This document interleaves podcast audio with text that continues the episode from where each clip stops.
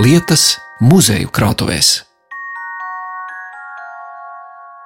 Cik te trijos stāvos, es domāju, kā šos smagos Šī nav- korpusus šī nav jūs varat? telpa, speciāla tehnika, pacēlāji, kas ir uz elektrību, ar ko piebrauc klāt un nu, uzceļ viņu augšā. Viņu uz tādu podestu noliek, un, un tā mēs uzceļam. Speciāli Stāv uz Tie podesta, melnie nemaz nav. Aha, podestiņi viss. tādi. Tur pacelt viņus vairs nevarēs, lai piebrauktu ar pacēlāju. Viņi tiek atstāti Uz uz, podestu. uz speciālajiem podestiem, kas ir speciāla plasmasa, kas nebojā materiālu. Un tāpēc tās kājas instrumenti tad ir līdzās, joņemts un novietots. Galvu atgāzusi veros uz klavierēm, kas novietotas trijos stāvos. Rakstniecības un mūzikas muzeja mūzikas instrumentu krājuma glabātājs Māris Visendorfs kopā ar muzeja mūzikas nodaļas dibinātāju un ilgadējo vadītāju Elmāru Zemoviču, kurš nu jau devies pelnīt atpūtā, bet labprāt atnācis uz šo ierakstu, lai padalītos zināšanās, vadā mani no viena instrumenta pie cita, ņem nost aizsargu pārvalkus un ir gatavi iepazīstināt ar visiem 86 dārgumiem. Tik daudz klavieru glabājas šajā krājumā. Šeit skatīsim Eka, Jāna, Treselta un Kīslinga darinātos instrumentus un uzzināsim, kā un kad šo meistaru vārdi tika ierakstīti Latvijas mūzikas vēsturē. Mūzikas vēsturnieks Elmārs Zemovičs teica, ka daudzi no krājumā esošajiem pianīniem, flīģeļiem un tāfelklavierēm ir roku darbs, tāpēc tas vien jau piešķir vērtību šiem krājuma materiāliem. Un kā ar pirmo šādu darinājumu viņš iepazīstina ar Johana Paula Eka reiz Rīgā gatavotajām klavierēm. Eka tāfel klavieris. Nu, Eks bija meistars, kas ir viens no arī tiem pašiem vecākajiem, kurš jau rakstīja kaut kur 840. 30. gados klavieru fabrika, ka viņam ir. Un lūk, viens tāds instruments kādreiz gadījās, es viņu dabūju vienā bibliotekā, un viņš nonāca tagad ir muzejā, un 20 vai 30 gadu laikā es vairs nevienu eka instrumentu neesmu saticis vairāk. Tā kā tas mums tāds ļoti rets, unikāls instruments ir. Tepat līdzās ir arī anotācija. Ziloņkauls te ir rakstīts. Es saprotu, mēs runājam par baltajiem, par baltajiem taustiņiem. Metāls, koks, tekstils, tas ir iekšā tas audums. Polsterējumi nu, gar stīgām. Tur visur ir polsterējumi, arī taustiņiem apakšā, lai nav graboši, ska, lai nav atsitiens koks pret koku. Visur lika polsterējums. Mani ieinteresē vēl viens no materiāliem - āda. Kur šādām klavierēm tika izmantota āda? Āda vecos laikos sevišķi izplatīta bija, kad viņu lika uz āmuriņiem. Tas ir taustiņa turpinājums, kurš savienot ar āmuriņu, kurš uzsit tālāk pa stīgām, nospiežot taustiņu, un radās skaņa. Un šis te mehānisms, kas uzsit, tas ir tā saucamais āmuriņš, un viņš ir taisīts vecos laikos, tika taisīts no ādas. No ādas vairākiem slāņiem. Vēlāk jau gan uh, rupjos reģistros tur arī filts izmantoja. Un šeit mēs varam redzēt, ka tu, uz tā instrumenta, uz tā priekšējā paneļa ir ļoti skaists, inkrustēts uzraksts vecajā drukā tādām viņetēm, un tur ir JPEK Rīga. Jā, tas ir Rīgas meistars, 830. gadi. Viņi bija divi brāļi, abi divi nodarbojās ar klavieru būvēšanu, labošanu. Acīm redzot, toreiz jau bija universāli. Viņi gan laboja, gan būvēja, un, un, un arī bieži vien paši tirgoja šos instrumentus un reklamēja. Nu, lielāko daļu tā laika meistari bija no Vācijas. Un Rīga jau bija ļoti vāciska pilsēta. Ir sevišķi amatnieki un, un tirgotāji. Lielā daļa bija tieši vācu izcelsmes cilvēki. Es saprotu, ka šis instruments ir unikāls. Ja? Viens Viņš vienīgs ir vienīgais mums tāds sastaptais līdz šim eh, instruments. Kādas vēl jums ziņas ir par to eku un viņa darbību, vai to laiku Rīgā, vai vēlāk Vācijā? Tālāk nezinām neko par viņu. Bet eki kā tādi vēl parādās vācu instrumentu katalogos, bet nav skaidrība, vai tas ir tas pats vai kāds cits eks vēl. Bet nu, mums ir svarīgi tas, ko viņš ir darījis tieši Rīgas periodā. Kādā stāvoklī šīs klavieres ir, vai jūs arī esat mēģinājis uz tām spēlēt? Nu, lielākoties šīs klavieres, viņām nav lietošanas vērtības. Viss ir novecojis. Stīgs ar laiku metāls no spriedzes noveco. Un viņas paliek trauslas un bieži vien saplīst. Tā kā mēs cenšamies saglabāt visu veco, mums ir svarīgi saglabāt visu, kā meistars ir taisījis tajos gados, lai mēs varam spriest pa visu to procesu, visā pilnībā, kāds viņš ir bijis. Starp citu, šīs klavieres nav lietojams arī tīri praktiski, jo mūsdienu skanējums ir apmēram pustoni augstāks klavierēm. Un ja meistari bieži vien bija padomu laikos nezinoši, kur mēģināja uztaisīt arī spēlējot šos instrumentus, uzvilkt šo skanējumu augšā uz mūsdienu līmeni. Un bieži vien tas beidzās ar to, ka tas klavieru korpus nebija paredzēts šim milzīgajam spriegumam. Iedomājieties, ka jāuzvelk ir viss stīgs vēl pa pustonu augstāk. Un, un tas korpus neiztur to spriedzi, un viņi sāk vērpties un dalīties burtiski kopā. Tad es saprotu, ka mēs skatāmies uz nu, teju 200 gadus senu reliktu.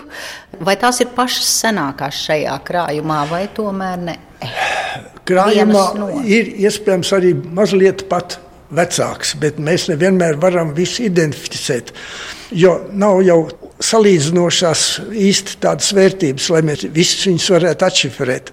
Bet nu, mēs redzam, ka ir viens otrs, kur mēs šaubamies. Vai tas ir taisīts pirms Napoleona kara, teiksim, pirms 812. gada, varbūt tūlītās pēc.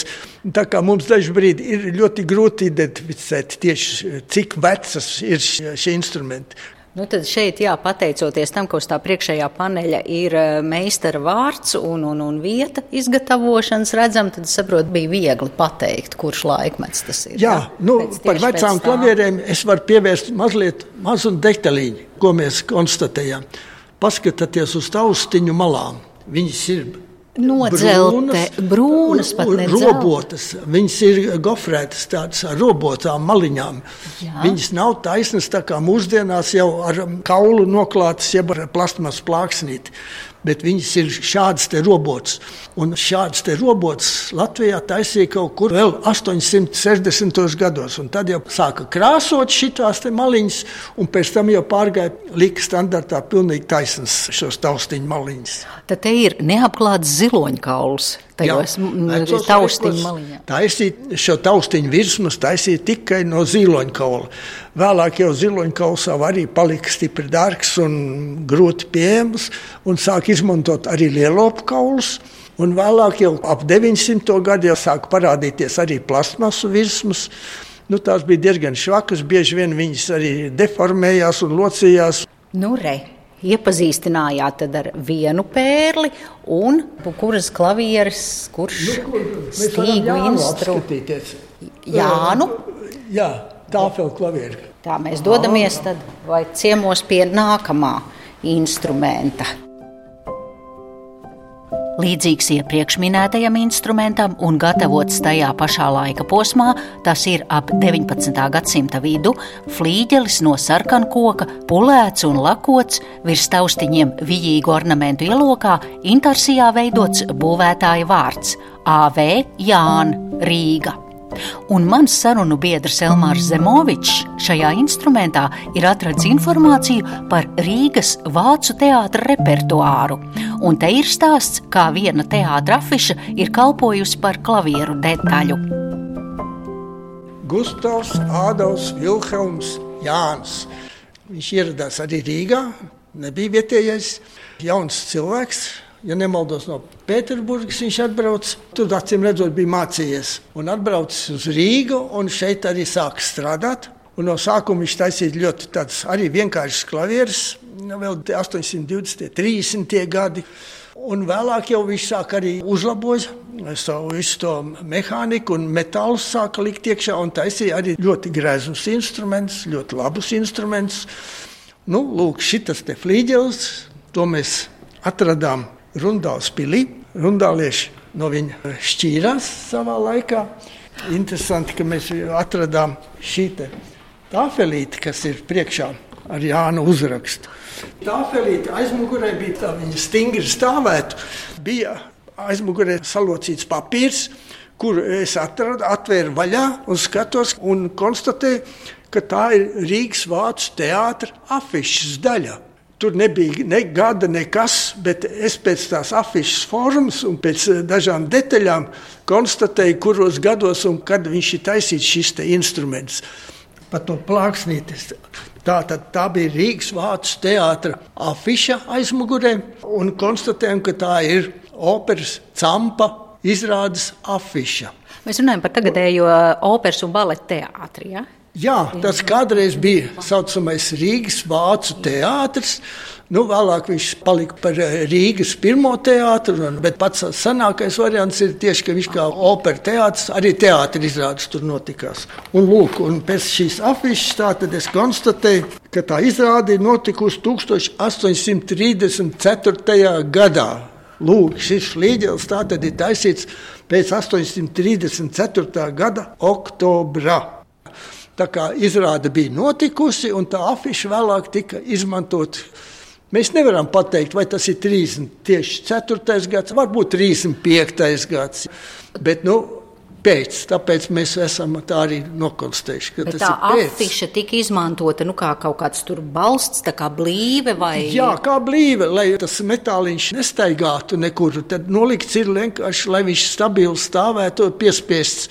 Man ļoti patīk tā klavieru forma. Jūs teicāt, flīģelis, tā kā tāds no, garš galds. Jā, klavieru forma ir ļoti neparasta. Tā ir ļoti vecā vēl forma, kad nav tā kā flīģelim, kā mūsdienās ar nopaļotu asti. Bet šeit vēl ir četrkantaina tā aste. Ir. Un bieži vien tas ir arī uz četrām kājām. Toreiz taisīja šos flīģeļus. Mūsdienās visiem flīģeļiem ir trīs kājas parasti taisi. Tiem vecajiem šitam ir četras. Nu, vēl senākiem instrumentiem ir uh, zīmējumi saglabājušies. Senos instrumentos, kas ir uh, Eiropas muzejos, tur var redzēt, ka tur ir bijuši instrumenti, pat, kuriem ir pat sešas kājas, ja, un vēl vairāk. Bet tie viņas ļoti smukas, elegantas kājas. Nu, šeit ir ļoti pamatīgas četras kājas. Bet tad es saprotu, ka meistars šīs klavieres ir gatavojis toreiz vācu teātra vajadzībām. Nē, vienkārši meistars izmantojis šo afišu. Kādām vajadzībām viņš taisīja to vēsturi klusē, to mēs nevaram pateikt nekādīgi. Bet vienkārši viņš ir izmantojis veco afišu praktiskām vajadzībām. Toreiz jau neko ārā nemet cilvēki, viņi bija ļoti taupīgi.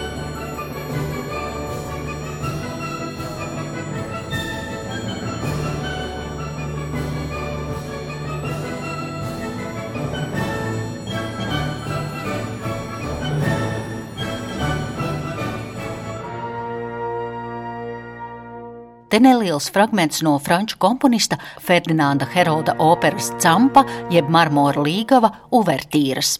Bet es kopā ar jums turpinu iepazīt seno klavieru būvētāju darbus Rakstniecības mūzikas muzeja mūzikas instrumentu krātuvē. Bet, kā jau jūs teicāt, ka šī tā senākā forma, kur nav Jā. tā aste, nu, vēlāk jau bija šī mazliet jau sāka jau savādāk mazliet to asti taisīt blakus flīģelim, te var redzēt, ja, piemēram, jau mazliet jau tāda rombveidīga tā aste ir, bet, nu, vēlāk sāk taisīt jau izteikti apaļus, jau 50. gados parādījās pilnīgi nopaļotas jau flīģeļu astes. Bet es nu pat ieraudzīju šim instrumentam tās kājas, nu tas tā kā tāds lauku tortes garnējums. Kājas visiem lielākoties bija ļoti greznas tajos laikos, speciāli taisīts un izbūvēts. Jūs varat arī blakus apskatīties, cik lielisks kājas izskatīgs savā laikā ir taisīts. Tie bija īsti mākslas darbi visi.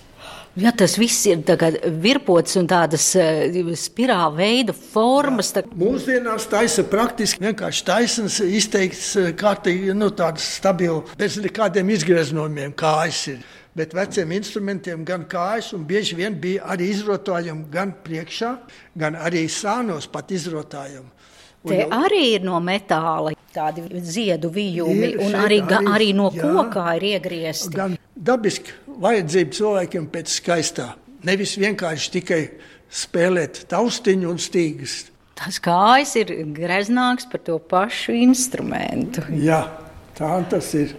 Visām vecām tāfelklavierēm un arī veciem flīģeļiem Bija speciāli paliktnīši, kur nolika sveces. Toreiz jau elektrības nebija, lai varētu redzēt notis, ko spēlē. Mūsdienās tas ļoti interesanti, tādi veci, vecie attribūti. Vēlāk pie pianīniem taisīja speciāls svečturs. Ļoti gredzens no metāla taisīts. Mums arī tādi ir, kuri kādam pianīram svečturi. Pie treselta mēs varam pieiet tieši nestandarta taisīts, bet jau uz pasūtījumu acīm redzot vairāk vai mazāk. Šeit jau mēs Te redzam mēs tātad ar vertikāli tā, e, stīgām, tas ir pianīns. Jā, pianīns, un šeit ir svečturi, te liks svecīts iekšā. Oh, cik grēzni reliefs, un tā ir vācu tradīcija, tā viņi taisīja tos acīm redzot no Vācijas sūtījuma, tos lika klāt, te ir Beethovens, jā. Ir sastopams Mozarts ļoti bieži, Beethovens, tie ir tie galvenie vācu muzikas dievi, kuri tika iemūžināti šādos te bareliefos. Nebija tā, ka bistes arī lika uz tām klavierēm, kur bija. Bistes arī kādreiz lika. Bieži vien uzlika bisti, lai Beethovens būtu ceļš Latvijas laikā. Bieži vien bija šī tradīcija izplatīta. Šeit ir viņš arī barelefā ir. Mums ir šādi barelefi jau vairākās vietās mums sastopami. Un atkal mēs skatāmies uz ļoti, ļoti greznu koka darinājumu. Jā. Kā viņi tolaik tos instrumentus kopa? Es domāju, bija smalkās mājās, kalpons vienkārši ar mitru lupu taču neslaucīja tur ar vasku, vai tās sveces nepilēja. Un nebojāja tos ne, instrumentus. Nekas netiks. Citu šeit nav tā lupatiņa virsū, bet uh, tieši Eseltam mums ir kaut kur bija vienam instrumentam arī, kur bija lupati, speciāli fabrikas taisīts pārseks no tāda filča auduma pārseks ar treseltu firmas zīmi. Un to uzliku uz taustiņiem, lai nekādi putekļi, nekas tur neiet iekšā, un tikai pēc tam taisīja vāku ciet. Šitam te bija taču tā lupatiņa. Tā ver vaļā kasti, kur atsevišķi tiek glabāta instrumenta tīrāmā vai pulējamā lupatiņa. Taupi, tas ir taupošā lupatiņa. Viņa, Ak, vai cik skaisti. spēlēt, tad šo lupatiņu uzliek speciāli virsū, lai nekas šeit neiet iekšā, lai viss saglabātos maksimāli kārtīgs un tīrīgs. Divām kārtām filcu lupatiņa, apakšējā kārta no balta, augšējā tāda ķieģeļa sarkana, un tur ar izšūt zeltītiem diegiem treselt Rīga. Tas bija viens no pazīstamākajiem klavieru darinātājiem toreiz Rīgā, ja mēs runājam par, par klavieru kvalitāti.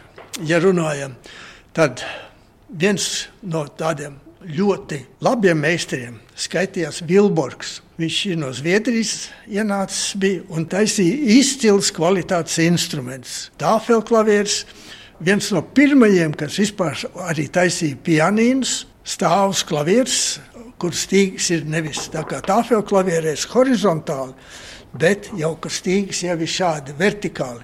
Tāds viens instruments unikāls ir saglabājies Latvijas vēstures muzejā. Bet, nu, tas ir tiešām unikāls atradums. Un Vilborga flīģeļi savā laikā kotējās ļoti augstu, uz tiem spēlēja arī koncertos ļoti bieži. Viņš ātri nomira 1860. Ja nemaldos, 6. gadā. Un tad šos instrumentus sāk izspiest Treselta firma. Treselta firma ir viena no visilglaicīgākajām Latvijas vēsturē. Fabrika atradās Smilšu ielā, Vecpilsētā, blakus pulvertornim. Tur atradās šī fabrika un, un izcēlās tur ugunsgrēks, nodega. Un vēl pēc tam tos pārējos instrumentus vēl ilgi pēc tam vēl tirgoja tur pa labi, pa kreisi.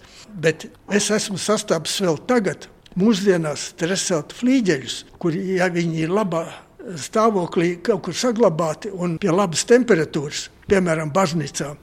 Es jaunajā ģetrūdas baznīcā atradu flīģeli, un kad es uzsitu, viņš bija noputējis. Neviens nebija viņa kops, neko, bet, kad es uzsitu skaņu, tas bija kaut kas fantastisks. Tas ir, nu, pilnīgi līdzvērtīgs arī mūsdienās izslavētiem steinveja instrumentiem. Vai šeit nedrīkst, ja jums lūgtu uzsist uz vienu taustiņu, vai še, to nedrīkst darīt? Daudz lai, jau var atļauties varētu. vienmēr. Šitas nav nemaz no tiem sliktākajiem. Viņš nav skaņots, neko, tas jau mēs neaiztiekam neko. Josefa Treselta klavieru būves uzņēmums līdz postošajam ugunsgrēkam 1910. gadā bija zināms ar saviem augstvērtīgajiem instrumentiem tolaik visā Krievijas impērijā. Jāpiebilst, ka Treselt firmas darinājumi tika izstādīti arī 1901. gadā Esplanādē Rūpniecības un amatniecības izstādē par godu Rīgas 700 gadēji, un tur ieguva vairākas medaļas.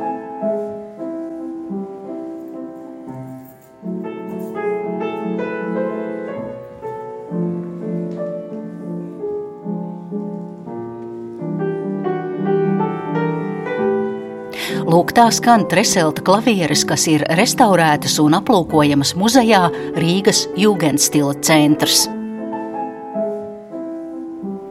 Bet nelielā ceļojuma noslēgumā mūzikas vēsturnieks Elmārs Zemovičs aizved mani pie jokaina izskata klavierēm, kas izskatās kā koka sintēzators jeb pianīns ar nozāģētu augšpusi.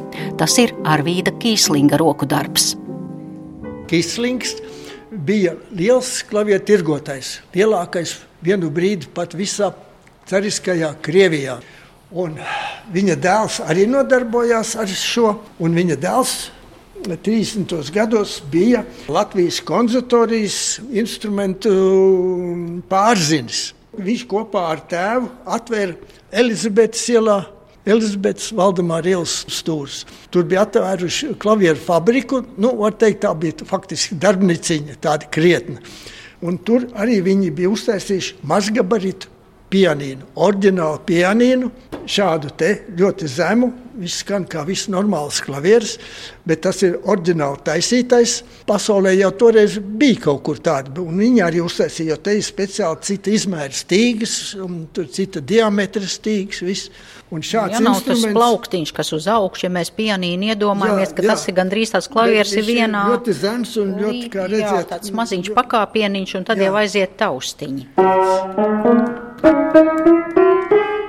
arī izskaņojies visiem, bet tas ir vienīgais, ko mēs savā darba laikā, ko mēs esam atraduši, kurš ir saglabājies šis instruments. Bet šis ir gatavots, jo tur iekšā bija tāda ielīmēta pa, papīra zīmīte, un tur bija rakstīts Artūrs Kislings, klavieru fabrikācija, Latvijas konservatorijas klavieru tehniskais pārzinis un labotājs Rīgā Elizabetes ielā 35 tāļrunis 23007. Tas viss ir šai instrumenta iekšpusē izlasāms. Jā, lūk, tas ir tāds ļoti unikāls, rets instruments. Man. Kāpēc tad šādus pianīnus pēc tam neražo? Nu, ja ir ērtāk, ka nav tā augša, viņš aizņem mazāku telpu. Nezinu, vēlāk viņi pazuda. Jo bieži vien jau ir laiks, kad viņi sāk ražot, un arī mode paiet, interesi pazūd. Nu, kad nav, nu, tad pērk kaut kā citādi veidu tos instrumentus. Tas bija ieskats rakstniecības un mūzikas muzeja mūzikas krājuma klavieru nodaļā. Un par šo stāstījumu es saku paldies muzeja mūzikas nodaļas dibinātājam un ilgadējam vadītājam Elmāram Zemovičam, mūzikas instrumentu krājuma glabātājam Mārim Visendorfam un rakstniecības un mūzikas muzeja projektu vadītājai Katrīnai Kūkojai. Raidījumu veidoja Zane Lāce Paltalksne